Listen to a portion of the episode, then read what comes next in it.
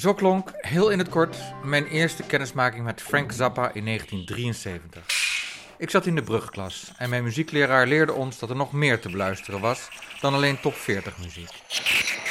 45 jaar later is het 25 jaar geleden dat Frank Zappa is overleden aan prostaatkanker. Hij heeft een schat aan muziek nagelaten, die nog steeds wordt gespeeld en beluisterd. Ik spreek anno 2018 Code Kloet, radiomaker, muziekproducer en vriend van Frank Zappa. Out of sight, yeah. Listen, Als jonge jongen verkeert Co in de gelukkige omstandigheid dat zijn vader, die dezelfde naam draagt, bij de radio werkt en zo veel mensen kent in de muziekwereld. sight, yeah. Listen, um, you, are, you, are you hung up? Je vader is begonnen bij de radio, ik geloof eh, 1957. Hij bedacht onder andere voor de VARA dat programma Tijd voor Teenagers. Ja. Daar ben ik natuurlijk heel trots op, want dat was het eerste popmuziekprogramma op de Nederlandse radio. En doordat hij in het vak zat, ontmoette ik al vanaf mijn geboorte muzikanten, componisten, artiesten, radio, tv-mensen en zo. Dus dat was bij ons altijd een heel bont, eh, bont eh, verzameling mensen die over de vloer kwamen. En toen ik geïnteresseerd raakte in muziek, nam hij me ook vaak mee naar, naar, naar programma's of naar speciale dingen. En nou, door een middelbare school, altijd muziek blijven maken, bandjes. En toen ben ik naar het conservatorium gegaan. Vanaf het conservatorium wist ik al dat ik producer wilde worden en iets met media wilde. Dus toen ben ik, of via de KRO, ben ik toen bij de radio terechtgekomen.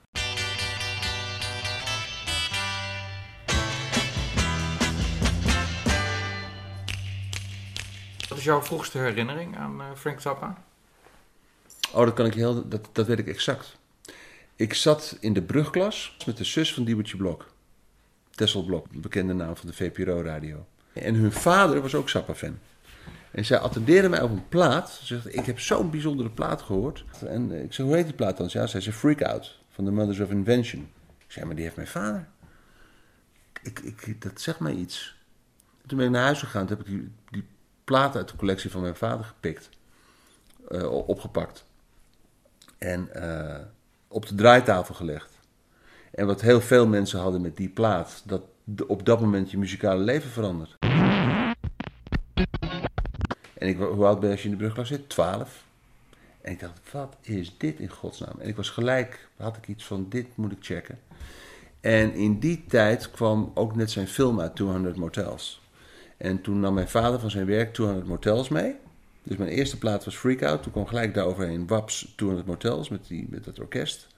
En, en Flo en Eddie. Onder andere. En toen, eh, ja, toen raakte ik echt in de band van die muziek. En eh, door eh, een relatie van mijn vader van het werk, die heel veel platen had, al die, al die mensen uit die tijd kregen al die platen van die platenmaatschappijen. Dan gingen met mijn vader en mijn moeder vaak op bezoek bij een collega van hem. En daar eh, draaide ik die platen in de, in de kelder. Op een gegeven moment zei hij, ja, je mag ze wel hebben, neem ze maar mee. Dus dat ik in één keer had ik alles wat Zappa tot dat moment gemaakt had, had ik compleet. En toen was ik denk ik 14, 15, 14,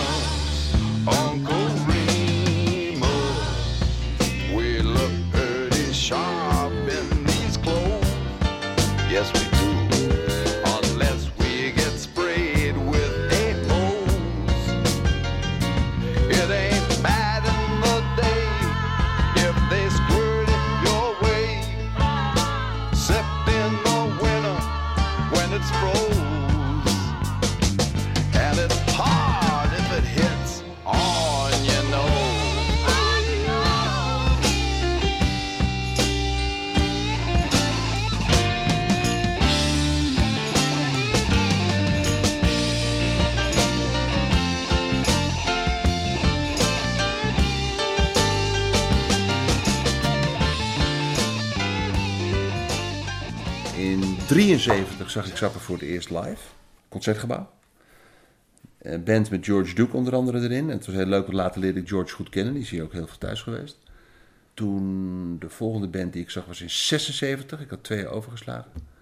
In de Jaap Edehal. En toen in 77 Was dat met Napoleon Murphy Brock? ja, ja, dat was 76. Want in 77 zag ik hem weer, ook weer in de Jaap Edehal. En dat was de band met Eddie Jobson en Terry Bozzio. En in dat jaar leerde ik Frank kennen.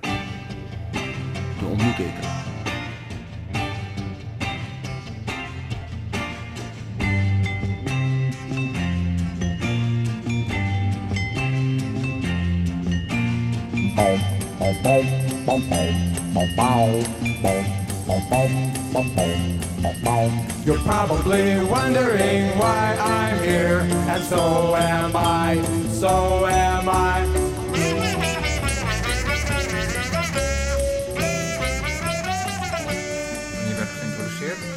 Ja, door iemand van de platenmaatschappij. Die zei van, dit is Co. En, eh, heeft een paar vragen voor je. En, eh, ja, mijn vader had dat geregeld. Die had geregeld dat ik daarheen kon. Maar je vader was geen fan. Nee. nee, mijn vader is erg laconiek en die heeft een aantal muzikale voorkeuren waar hij graag naar luistert. En, eh, en Zappa hoort daar niet bij. Hij was de eerste die hem draaide op de radio overigens. En ik heb van mijn vader geleerd dat je niet als radiomaker alleen maar je eigen smaak moet volgen. Hij had wel door wat, wat voor fenomeen Zappa was, alleen het was niet zijn muziek.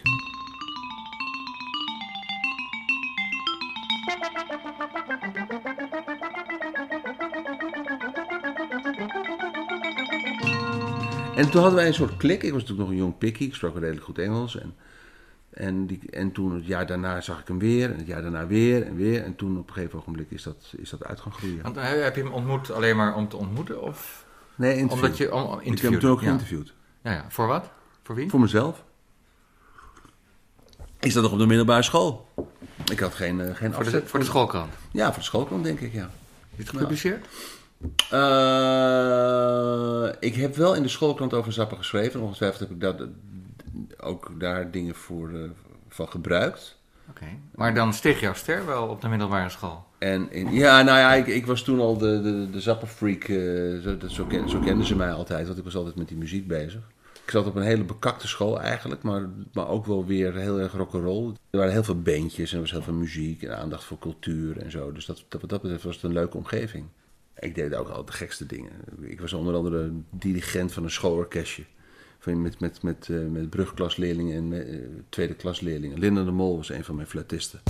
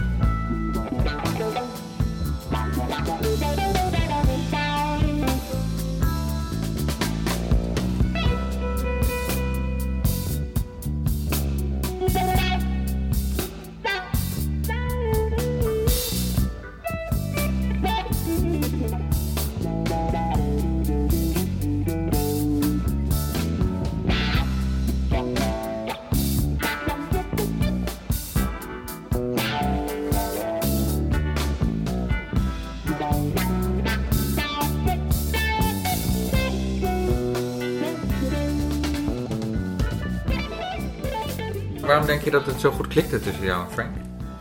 Er was een directe aanleiding voor, omdat ik iets, iets zei waar hij waar zichtbaar van genoot. Dan kan ik je straks wel vertellen wat dat was. En het was bij Frank zo, als je niet in de weg liep en deed wat je beloofde, dan zat je gewoon goed. Dus als hij zegt, ik heb de volgende keer wat informatie nodig over dit of dit of dit, kun je dat voor me uitzoeken? Het antwoord, ja, dat kan ik voor je uitzoeken. Het jaar daarna kwam hij, of ik stuurde het via de post.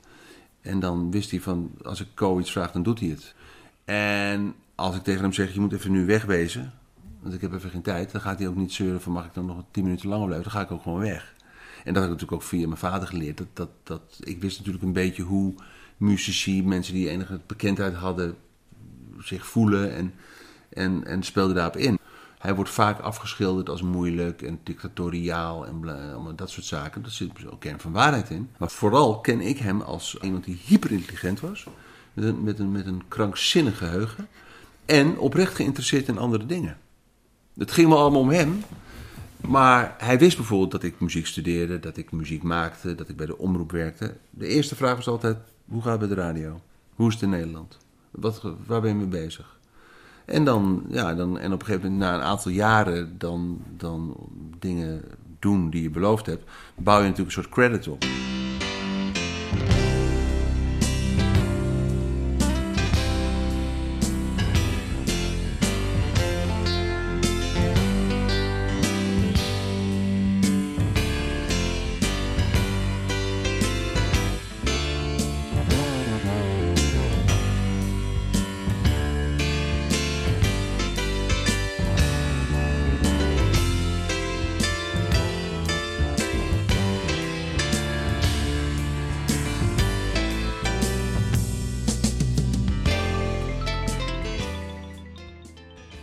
Frank had een bepaalde gespannen verhouding met journalisten. En ik zit op een gegeven ogenblik, ik heb daar en foto's en opnames van. Ik zit op een gegeven ogenblik bij een persconferentie in 1979 boven in het Okura Hotel in Amsterdam. En ik had een recorder bij me voor de radio. En om mij heen zaten allemaal journalisten. En die, die, toen ik binnenkwam, zaten die allemaal te pimpelen. Frank was er nog niet. Die wordt binnengebracht. Hij was toen net onder contract met CBS. Het was ten, tijde dat zijn plaats Shake Your Booty uitkwam. En eh, hij komt binnen en iedereen aan het bier en het whisky en wijn en toestanden en nootjes en zo. En begon gelijk al korselig, want hij ging zitten. Ze vroegen, Frank, wat wil jij hebben? Zei hij koffie. En dat was er niet. Nou, moest koffie geregeld worden. Ik zat naast hem. Ze zaten in een U-vorm om hem heen en ik zat echt pal naast hem. En eh, nou, echt dramatisch. Er vielen pijnlijke stiltes. Er werden domme vragen gesteld. Eh, eh, en je zag gewoon de, de, irritatie en de, en de verveling op zijn gezicht komen. En eh, Frank zat altijd in een ander hotel dan de band. Of meestal altijd. Maar goed, ze hadden dit in het Okura geregeld. En wat ik op dat moment niet wist, is dat hij zat in het Amstel Hotel. En het duurde me voort. Af en toe stelde ik een vraagje. En het was echt heel pijnlijk. En, maar ik, ik dacht van ja, dit is mij nou. En toen zei op een gegeven moment Frank tegen mij van... Waarom stel jij niet veel meer vragen? Want hij wist gewoon dat ik wist waar ik het over had. Toen zei ik, nou, dat kan ik je uitleggen. Ik zeg, ik mag dit tapeje uitzenden in een radioshow, maar die is over twee weken. Dit zijn allemaal dagbladjournalisten. Als ik nu hele goede vragen ga stellen, dan heb ik over twee weken oud nieuws. Want zij zetten het allemaal in hun stuk alsof zij die vraag gesteld hadden. En nog een verschil, ik krijg er niet voor betaald en zij wel. En toen zei hij, weet je wat je doet? Neem je recorder mee en kom vanavond maar naar het Amstel Hotel. Dan doen wij het interview daar.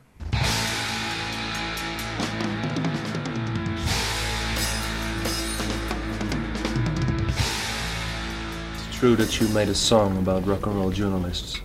Yeah. Like so many other rock and roll stars. Huh? Like so many other rock and roll stars. Well, it's a good thing to do, you know. It's, it's, you know, it's nice to commemorate them.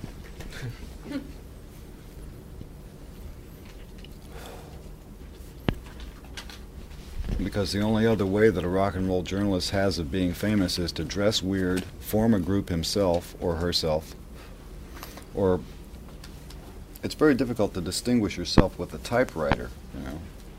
So it's better just to be an asshole and wait for a group to write a song about you.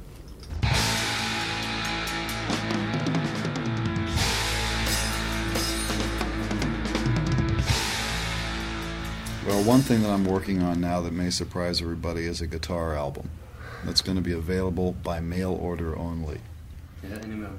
Well, all over the world. It's called Shut Up and Play Your Guitar. And all it is is guitar solos. You know, all those tapes from all over the world? Well, I'm throwing the songs away and just keeping the guitar solos. And it's one guitar solo after another. If you want to hear me play the guitar. Is it serious with you, John? Yeah. Yeah? Yeah. So that's a response for the demand of your guitar Yeah. playing. Yeah. Yeah. So you can, you know, you can get it through the mail. It's a very good idea. Yeah. On uh, not not uh, on a certain label. No, I'd, I'll probably put it on uh, NCP. Stands for No Commercial Potential.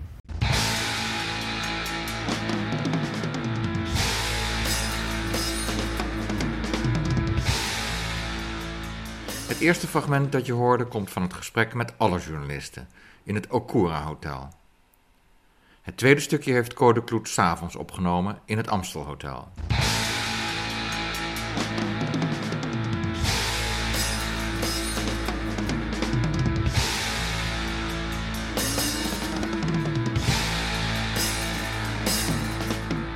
I don't know much about dancing, that's why I got this song.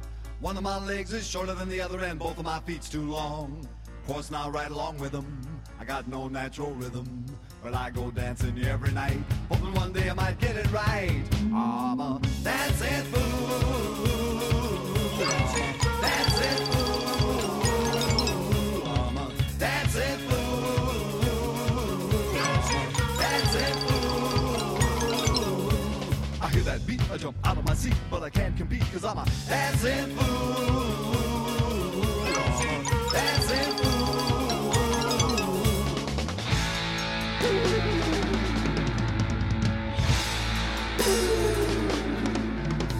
The disco folks all dressed up like this fit to kill.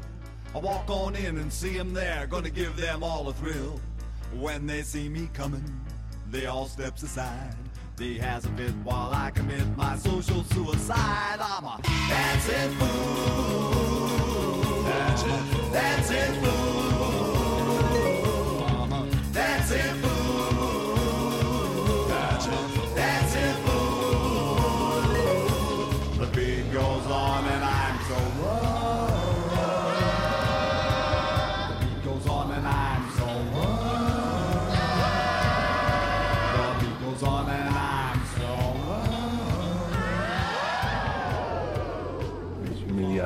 In de studio.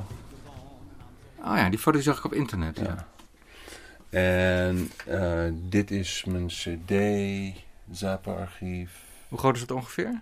alles wat er is. Dus alles wat hij heeft, is een stuk of 120, denk ik. En eh, ook allerlei dingen die, weet je, of anders zijn, die niet echt gereleased zijn, zitten hier ook bij. En hier is het, eh, het archief van vinyl. En ik ben nu allerlei dingen uit mijn archief aan het digitaliseren. Er zitten hier oude spoelenbanden liggen. Dan heb ik bijvoorbeeld ehm, eh, ooit in de jaren 80 een deal gemaakt met een station in Amerika. Die een, eh, special met hem hadden. Dus ik ben dat nu aan het digitaliseren. Dus, dus bijvoorbeeld The arts in America are totally fucked, mainly because nobody really cares about them and they are going to die. In, in the realist sense, they will die. There will be this ghostly remnant that people will pretend is American culture. That will stay because that's merchandisable. And there will always be somebody to give you some fake little artifact that they tell you this is culture. But really, for quality performances and things like that, I think that the chances of that uh, being kept alive in America, that's pretty bleak. Frank, could we talk just a bit about En dit is, dit is eh, twee meter DVD-archief. Dus interviews, televisieshows, eh al zijn films die hij gemaakt heeft. Documentaires van Frank Scheffer staat hier. Documentaire van Rudolf Kiers. Gastoptredens van Zappa. Dingen die hij zelf geproduceerd heeft. Dus dat is dat staat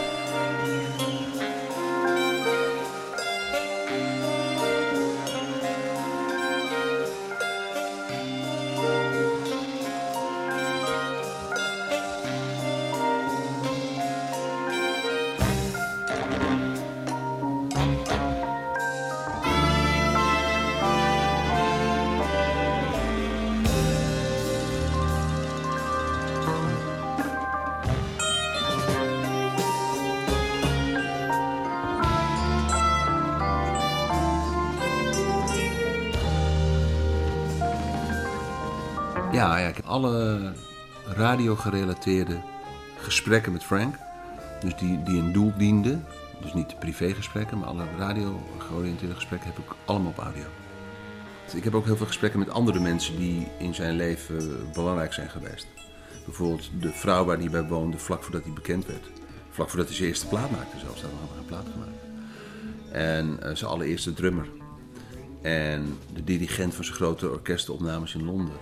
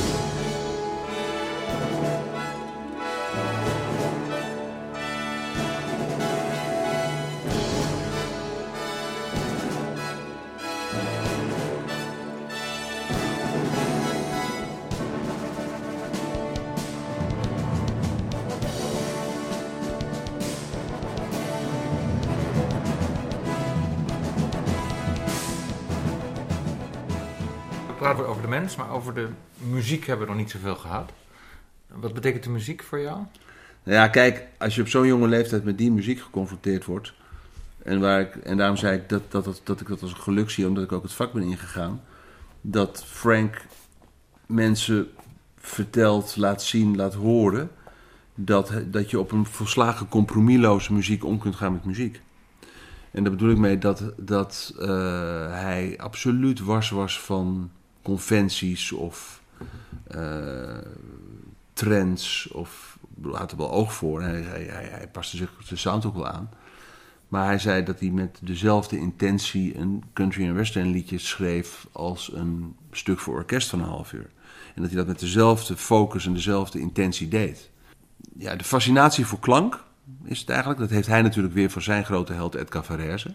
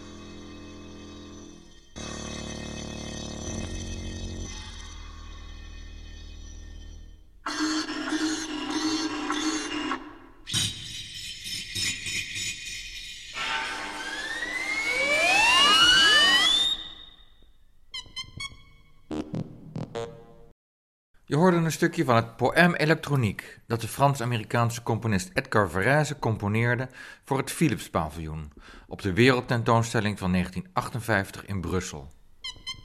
De muziek maakte deel uit van een multimedia-spektakel die voor het einde van de jaren 50 zeer vernieuwend was. En voor een bedrijf als Philips zeer vooruitstrevend. Tezelfde tijd vonden in het natlab van Philips in Eindhoven mensen als Dick Rijmakers en Tom Disseveld hun elektronische muziek uit. Beluister hiervoor de eerste aflevering over muzikale pioniers.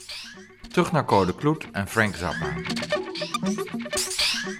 Wat doet de muziek met je? Nou, ik vind, ik vind hem gewoon een hele erg goede componist. Omdat ik eh, vind dat hij, los van het technische aspect... Hij heeft gewoon technische grenzen verlegd. Hij heeft dingen op podia in de studio gedaan... Die, studio's gedaan die daarvoor gewoon nog nooit gedaan waren. Dus hij is een grote, gigantische innovator geweest. En nog steeds een invloed op heel veel mensen.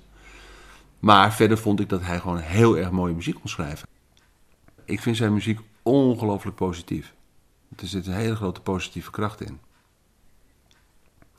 Wat, wat ik expres paradoxaal noem, omdat hij ook wel bepaalde destructieve kanten had. Richting zichzelf bijvoorbeeld. Hoe bedoel je dat? Ja, ik bedoel, hij, was, hij, hij leefde heel ongezond. Het enige wat hij deed was s'nachts leven en dan alleen maar koffie en, en sigaretten. En, en, en slecht eten, ja. Dat is niet best natuurlijk. En werken, werken, werken. Waarom zou je zoiets doen? Alleen maar werken eigenlijk. Ik ken mensen die zeggen van hij heeft altijd gevoeld dat hij niet zo oud zou worden. En hij wist wat hij allemaal te melden had. En dan krijg je allemaal die complottheorieën en die, fantasie, die fantasiemodellen van wat zou Zappa nu geschreven hebben, buiten dan liedjes over Trump. Tuurlijk had hij nog heel veel dingen kunnen doen. Maar als je ziet voor iemand die 52 is geworden, wat hij, wat hij aan een output geleverd heeft, dat is, gewoon bijna niet voor te stellen. Kan je alleen maar voorstellen als je weet dat hij dus altijd werkte. En eh, ja, dat heeft natuurlijk ook zijn sporen nagelaten op hem en op, ook op anderen. Op zijn gezin bijvoorbeeld. Leuke drie weekjes eh, naar Frankrijk eh, met de caravan was er niet bij. Wat mij zo opvalt is dat hij niet zoveel heeft samengewerkt met zijn kinderen. Terwijl die toch allemaal artistiek begaafd zijn.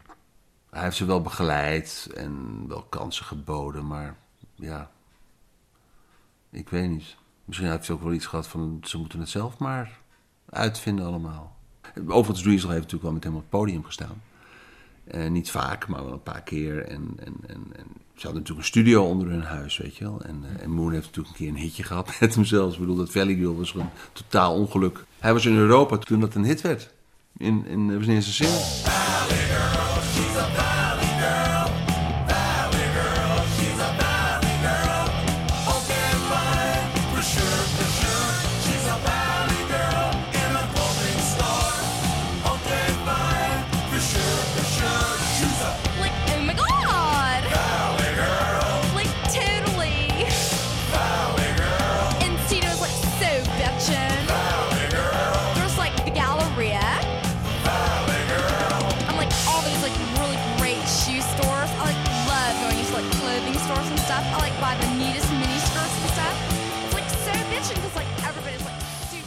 Valley Girl staat op een plaat die heet Ship Arriving Too Late Oh ja, to oh Save a Drowning Witch. Met die hele saaie hoes.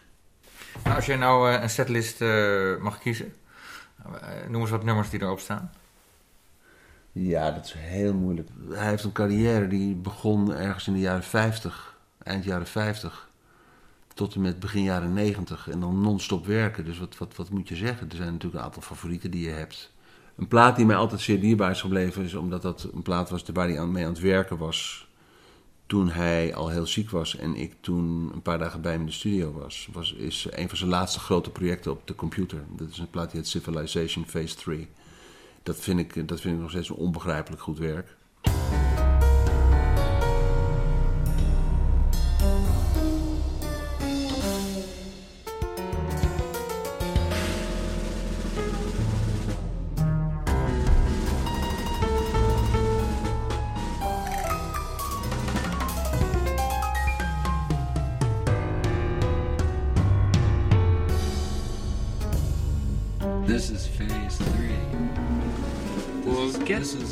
Phase one and All two right, all right, first. Here's phase one. The audience sits inside of a big piano and they listen to it grow. People are going to sit inside of a piano. They're going to listen to this piano grow. They're gonna listen to the piano grow. Listen, This is gonna turn into it's going to turn into another 8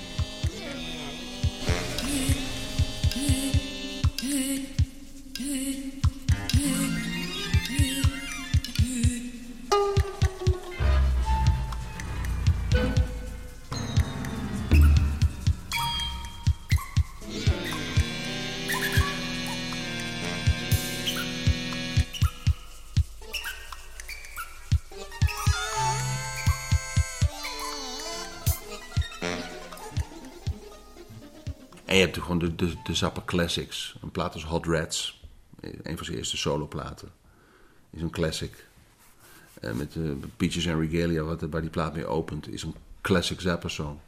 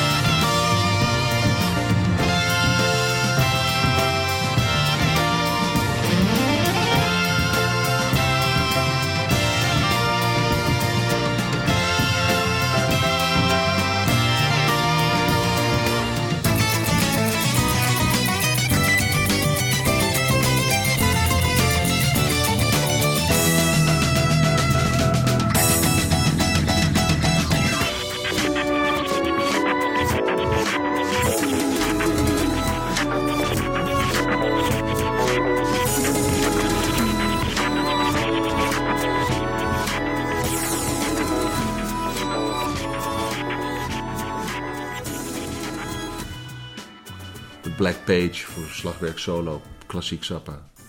Een van de meest onbegrijpelijke stukken van hem vind ik een stuk dat heet The Adventures of Gregory Peccary. Eh, ja, de briljante studioproductie. Eh, maar goed, dan ga je weer. Als je dat dan gezegd hebt, denk je, oh ja, maar dat is ook weer mooi. En dan krijg je een soort hele schakel van, van, eh, van stukken. En hij is natuurlijk verslagen ondergewaardeerd als gitarist. Als je het gen hebt, dan kun je uren naar zijn gitaarspel luisteren. Ik ken ook mensen die zeggen na 30 seconden, weg hiermee. Dit is niks, we kunnen hier niks mee. Op, op Zoet Elliers staat, staat vrij veel gitaarmuziek. Ja.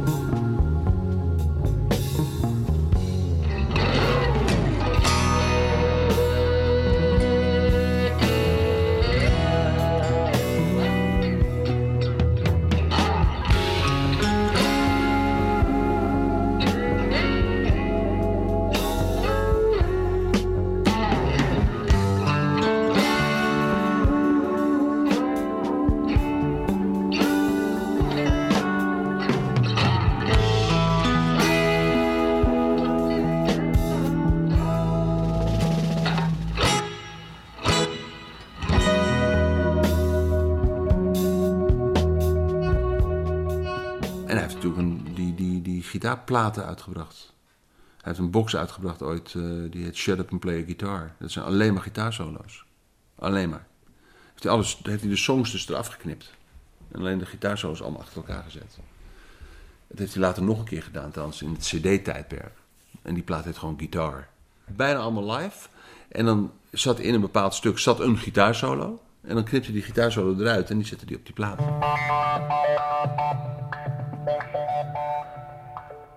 Je bent meerdere keren bij hem op bezoek geweest. In, eh, Wat voor sfeer heerste daar in huis? Eh, ja, toch een beetje een, een, een, een vreemd huishouden. Met heel veel activiteit en heel veel in en uit. Mensen, de hele tijd mensen die in en uit liepen, erbij waren en, en, en de projecten. Maar steeds als een soort middelpunt beneden in de kelder, de grote studio waar Frank werkte. En waar hij dan, omdat hij niet gestoord wilde worden, voornamelijk s'nachts werkte. Dus eh, hij stond in de loop van de middag op, uurtje vier. Even eh, wat eten en dan de studio in. En dan tot de volgende ochtend. En dan ging hij weer eh, overdag slapen. En, dan, en dat, dat herhaalde zich. Daar ging ik nooit ergens heen. Ja, naar een tv-interview of naar een ding. Maar... En, en zat je erbij als hij componeerde? Of? Ik ben er niet bij geweest dat hij componeerde. Ik ben er wel bij geweest dat hij aan het opnemen was en aan het mixen was en aan het editen was. Ja. En dat was wel heel, vooral vanuit mijn vak heel leerzaam om te zien hoe hij dat deed. Heel erg, eh, heel erg gefocust. Ik, een van mijn allerbeste vrienden heb ik te danken aan Frank. Dat is namelijk een ex-muzikus van hem. Steve Vai.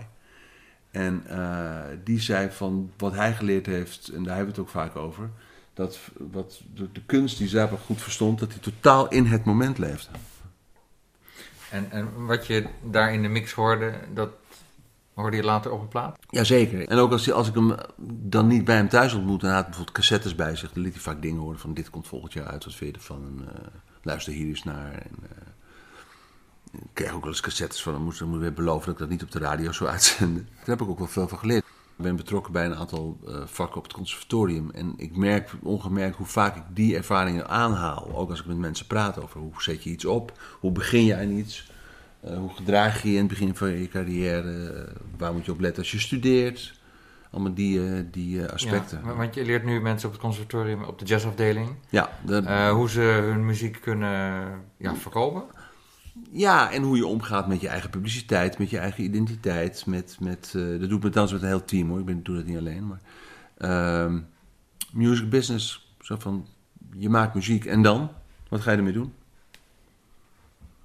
Dat is heel leuk. En, en dan gebruik je ervaringen die je hebt opgedaan met Ja, natuurlijk. En ook via hem weer met anderen.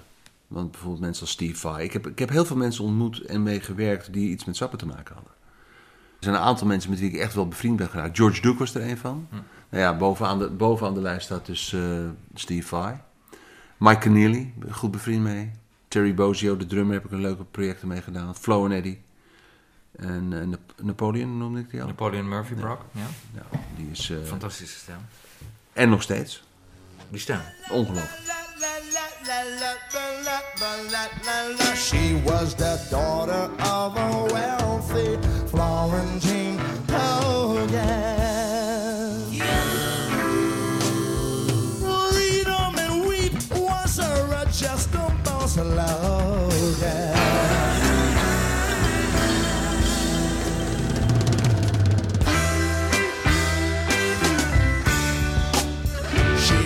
A debutante, Daisy with a color note oh, organ. Deep in the street, she drove a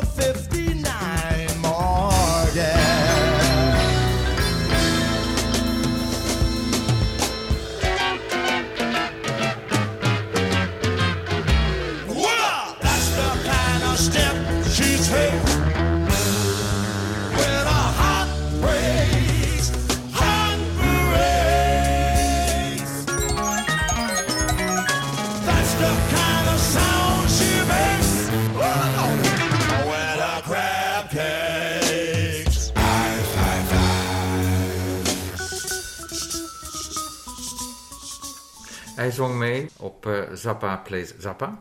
Dat was in 2006 de eerste keer, geloof ik, in de Heineken Music Hall. Met eh, Ahmed en Dweezil. Niet met of Ahmed. niet met Ahmed. Eh, Dweezil was dat natuurlijk, want die, die, die is Zappa Play Zappa. Het heet dan nu anders. Nee, daar waren toen bij Terry Bozzio, Steve Vai, Napoleon Murphy Brock. En de band, de Zappa Play Zappa band. Maar zij waren de drie speciale gasten. En jij was overal bij. Ik ben, bij, die, bij die Heineken Musical was ik toen bij, ja. ja. ja. En ik heb hem Dweezil natuurlijk, in december had ik hem als gast in mijn programma. Met het grote orkestproject. Welk project was dat? Eh, dat heette Dweezil Zappa's Orchestral Favorites. Dat was een, hadden- ik had een heel orkestprogramma samengesteld met muziek van Frank, van Dweezil en van Steve Vai. Met een Noord-Nederlands orkest. Dat was heel erg leuk, ja. En wat speelden ze? Drie stukken van Frank, vier stukken van Dweezil en één stuk van Steve. Maar Dweezil had nog nooit met een orkest gewerkt op die manier. En dat was echt, eh, was echt heel, heel erg leuk. Ja. Op internet vind ik een interview met Dweezil Zappa over dit concert. En ik vind een amateuropname waarin Dweezil gitaar speelt in Watermelon in Easter Hay, een nummer van zijn vaders plaat Joe's Garage. Daar krijg je kippenvel van. Daarna hoor je ook nog een stukje van het origineel. Helemaal aan het eind van deze productie hoor je de volledige officiële opname van dit nummer met Dweezil Zappa en het Noord-Nederlands Orkest. having only attended concerts of orchestral music and knowing that feeling of being enveloped by the sound because the acoustic instruments have their own sound you know the, the, the air really is moving around you and it's very different than the amplified electric shows that i'm used to uh, performing in and so it'll be it'll be great to, to be in the middle of all of that sound you know because when you turn your head you're hearing an actual instrument and people manipulating this thing. It's not so much just coming out of a source of a speaker you know your ears really fill in all the space. So that three-dimensional kind of experience is something i look forward to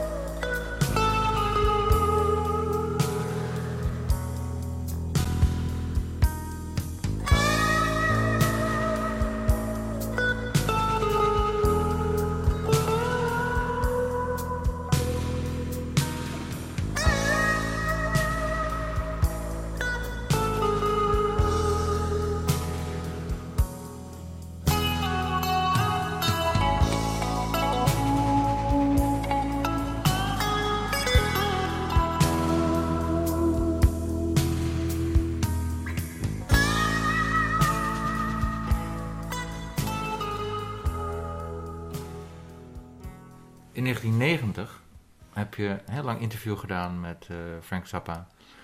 En dat is er ook uitgebracht hè, op tape. Een Die, gedeelte ervan. De supplement tape. Ja. Ehm, dat is een collectors item geworden. Waarom? Ja, waarom wordt iets een ja, collectors item? Ik bedoel, het is, het is gewoon moeilijk aan te komen. Omdat ik hem eh, ah, teruggetrokken heb uit de handel toen Frank doodging. Omdat ik dacht van ja, dan krijg je weer eh, dat mensen dat misschien willen gaan kopen. En ik, dat, dat, voelde niet helemaal oké. Misschien is het zakelijk gezien niet geen goede beslissing geweest, maar ja, Allah. En ehm, dat was een soort samenvatting uit die grote special die ik maakte. Dat was, dat, dat was de gelegenheid van het feit dat hij 50 werd. Daar maakte ik die special. Dat is een vier uur durende special. En eh, voor het programma Supplement, daar was ik toen de redacteur van. Ik heb wel een paar Zappa dingen gedaan in supplement. Ik had de, ik had de wereldpremière van de Yellow Shark. Ik heb nog een keer, geloof ik, toen hij doodging, hebben we een special gemaakt. Een keer met Steve Vai, vier uur. Een keer met George Duke, vier uur. Dat was een vier uur durend programma op Radio 4. Die tape was oorspronkelijk ook te beluisteren via de website van NPO. Maar die is inderdaad weg daar. Ja.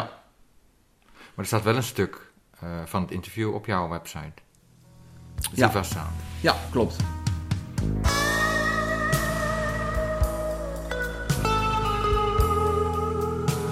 In dit stukje interview praat Frank Zappa over hoe het boek The Real Frank Zappa tot stand is gekomen.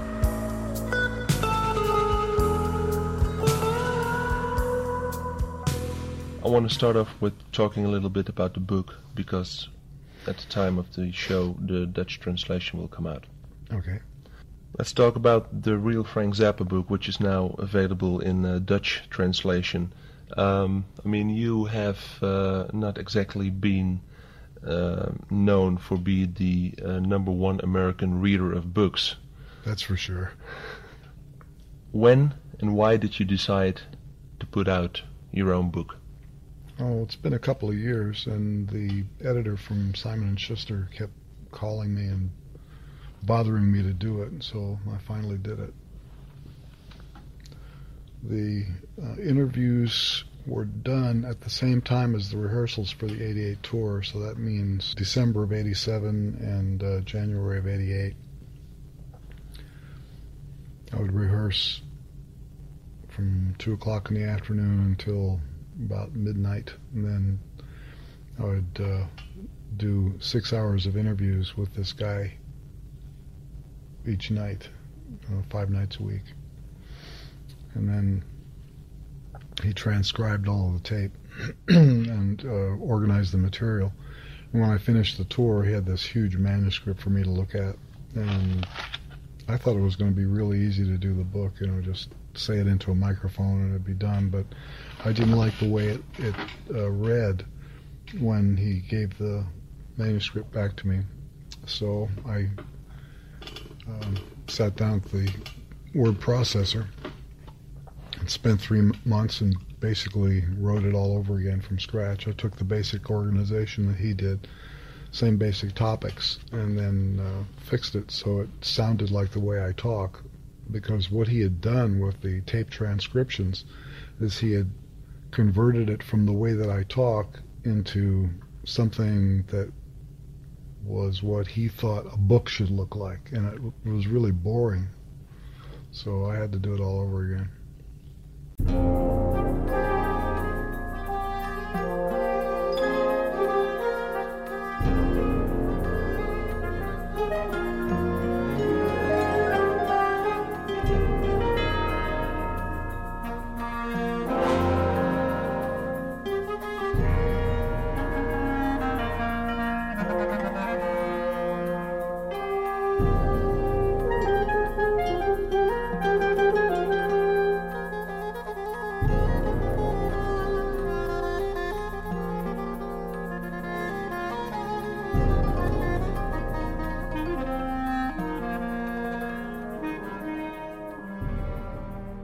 dat de nalatenschap van eh, Zappa is beheerd? Ja, dat is heel wisselend. Er komen soms dingen uit die fantastisch zijn.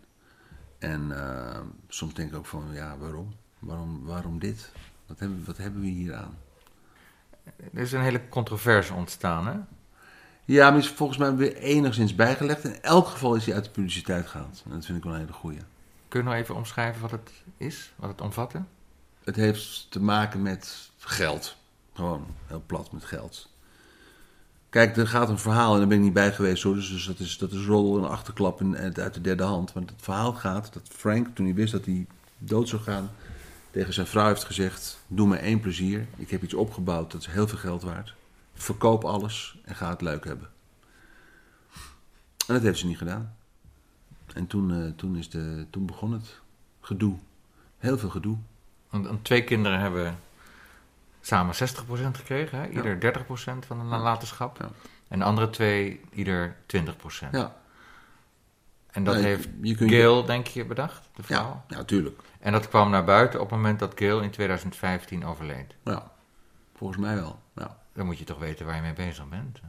Ja, maar goed, Gail is een heel apart verhaal. Kijk, Gail, aan de ene kant, Gail, Gail is een heel veel besproken vrouw. En ik, ik heb eigenlijk alleen maar in de persoonlijke contacten met haar daar, toen ik daar was, uitermate charmant en aardig. Het is natuurlijk een raar gezin geweest. En, en, en ik, ik kom uit een heel normaal gezin, dus ik, ik kon het verschil zien.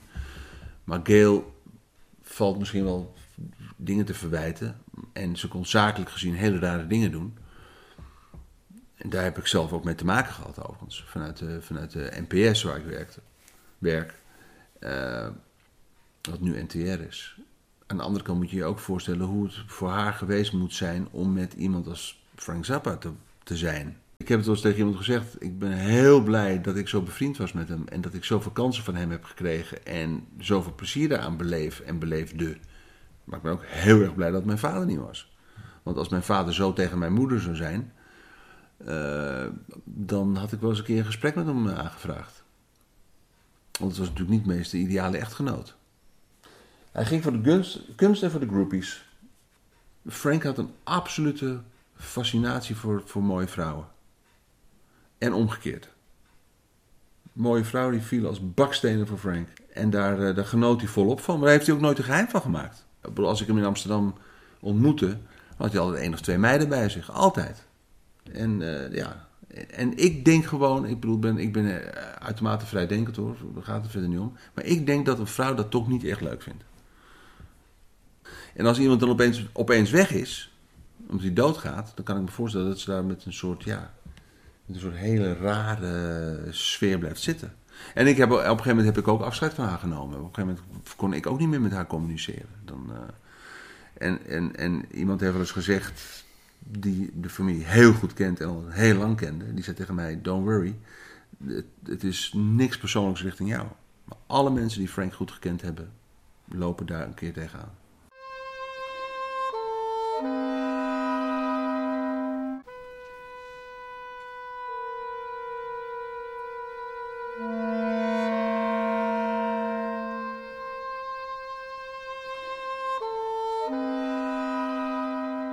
Na Franks dood heeft de NPS, dat was onder andere een idee van mij, een groot Sappa-project gedaan in 2000. Want toen was Frank natuurlijk al heel lang dood.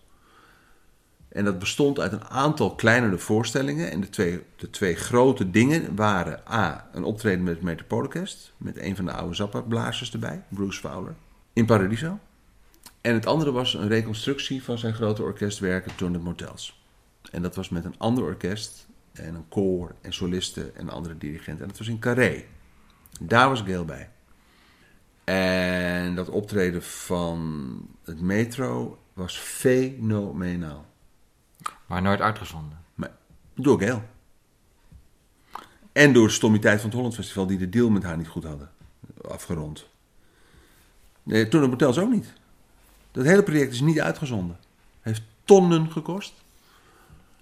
Heeft niet uitgezonden. Dus die tapes liggen nog ergens? Ja, die zijn in beslag genomen. Die liggen in een, eh, in een safe house. De vraag is of er kopieën zijn. En als, en als iemand die kopieën heeft, dan riskeert diegene hele hoge boetes als hij daar iets mee doet.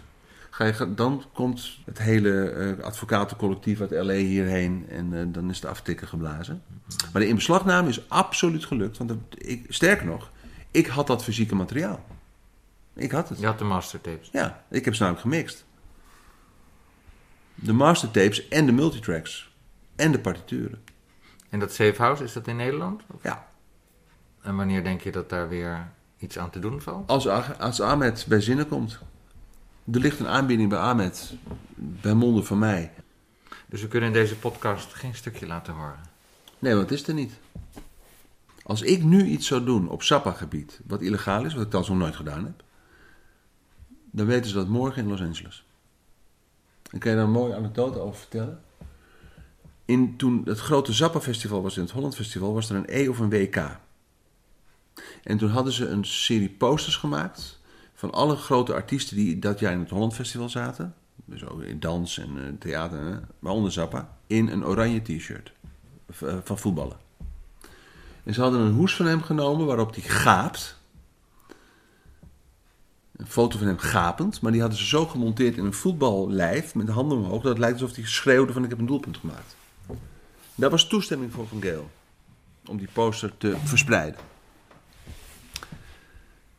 Het Holland Festival liet de productie van die poster op het laatste moment sponsoren door de Volkskrant.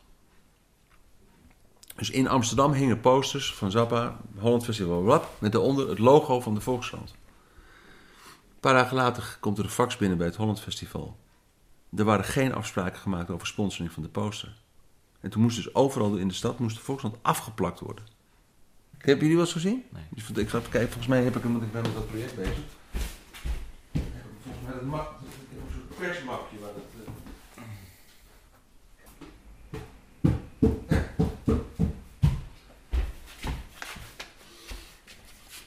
eh, Fantastisch. Ja, je ziet hem inderdaad eh, juichen, lijkt het wel, ja. Goh, gaaf hè.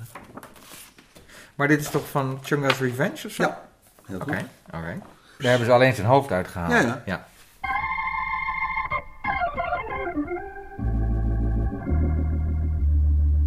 Don't it ever get lonesome? Don't it ever get sad when you go out on the road?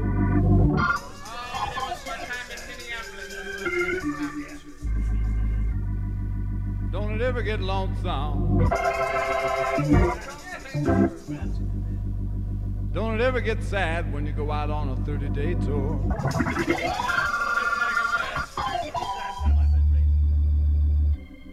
You got nothing but groupies and promoters to love you, and a pile of laundry by the hotel door.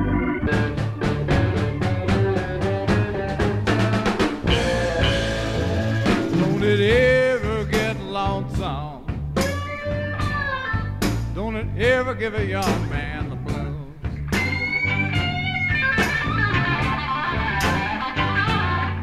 Don't it ever get lonesome? Ever make a young man want to go back home?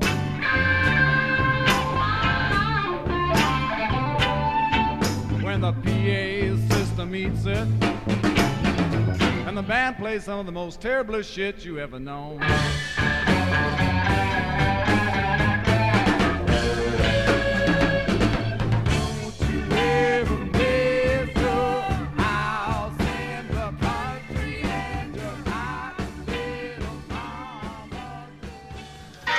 Ja, het kan zijn. Wacht één seconde. cardboard box. A series of cardboard boxes Sappa. with a nun suit painted. Ko? Hey Sjaak, ik zit midden in een interview. Ik ga jou terugbellen. Hoi. Dat is jouw ringtone? Ja.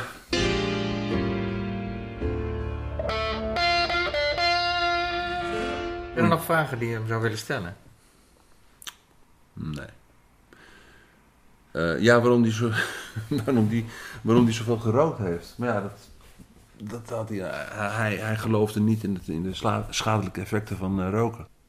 Waar ik blij om ben, en dat is toch, wel redelijk persoonlijk dat je me dat vraagt, en, en of het antwoord ik heb, waar ik blij om ben, dat, dat, ik nooit een vraag heb gesteld aan hem, waarvan ik later het gevoel had van, dat gaat me eigenlijk helemaal niks aan. En waarom vroeg ik dat in godsnaam? Ik heb ontzettende hekel aan talkshow-hosts die bijvoorbeeld als ze weten dat iemand iets niet wil zeggen, er een soort sport van maken om hem of haar het toch te laten zeggen. Dan denk ik van, waarom doe je dat nou? Waar wilde hij niet over praten? Nou ja, bijvoorbeeld over zijn seksleven. Over de groupies. Ik bedoel, wat maakt mij dat nou uit? Ik bedoel, ik, ik, ik zag die meiden komen en gaan, maar, maar bedoel, dat moet hij toch weten? En daarom heb ik me ook altijd heel erg duidelijk richting hem, en dat, dat, dat wist hij ook. Hij wist dat ik geen journalist was. Ik, ik, was er niet op, ik was niet op iets uit. Ik vond het gewoon leuk om, om die muziek te promoten en ermee te werken en mensen te ontmoeten en dingen te doen. En daardoor heb ik, de, daar heb ik met mensen kunnen werken die ik misschien anders veel moeilijker had kunnen benaderen. Kijk, bijvoorbeeld de, drummer Terry Bozzio, die heeft een, een plaat gemaakt, die heet Chamberworks. Stukken voor groot slagwerk plus orkest. Maar ja, hij had geen orkest, dus hij heeft het allemaal met elektronica gedaan. Doordat ik kon zeggen, ik was bevriend met Frank, kom ik in contact met Terry Bozzio en kon tegen Terry Bozzio zeggen, ik werk met het Metropoolorkest, zullen wij een fantastische Nederlandse componist-arrangeur, Martin Fonsen, vragen om die MIDI-files van jou te bewerken naar echt orkest. En dat jij komt als solist. En ik vraag een subsidie aan via de radio en we gaan het doen. Toen zei hij, dat is goed.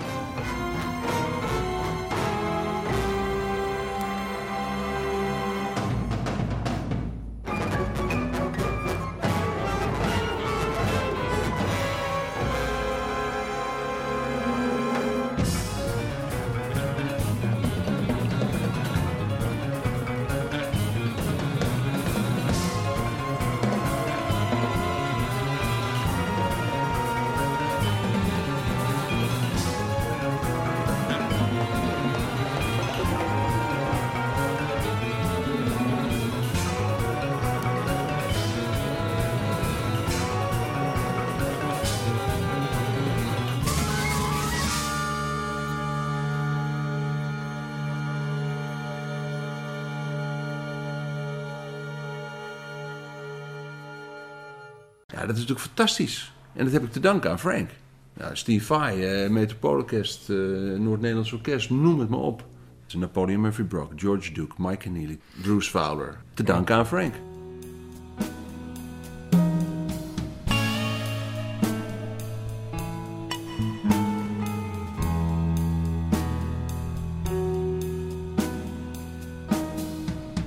Ten slotte de integrale versie van Watermelon in Easter Hay, zoals uitgevoerd door Dweezil Zappa en het Noord-Nederlands Orkest op 1 december 2017 in Tivoli in Utrecht.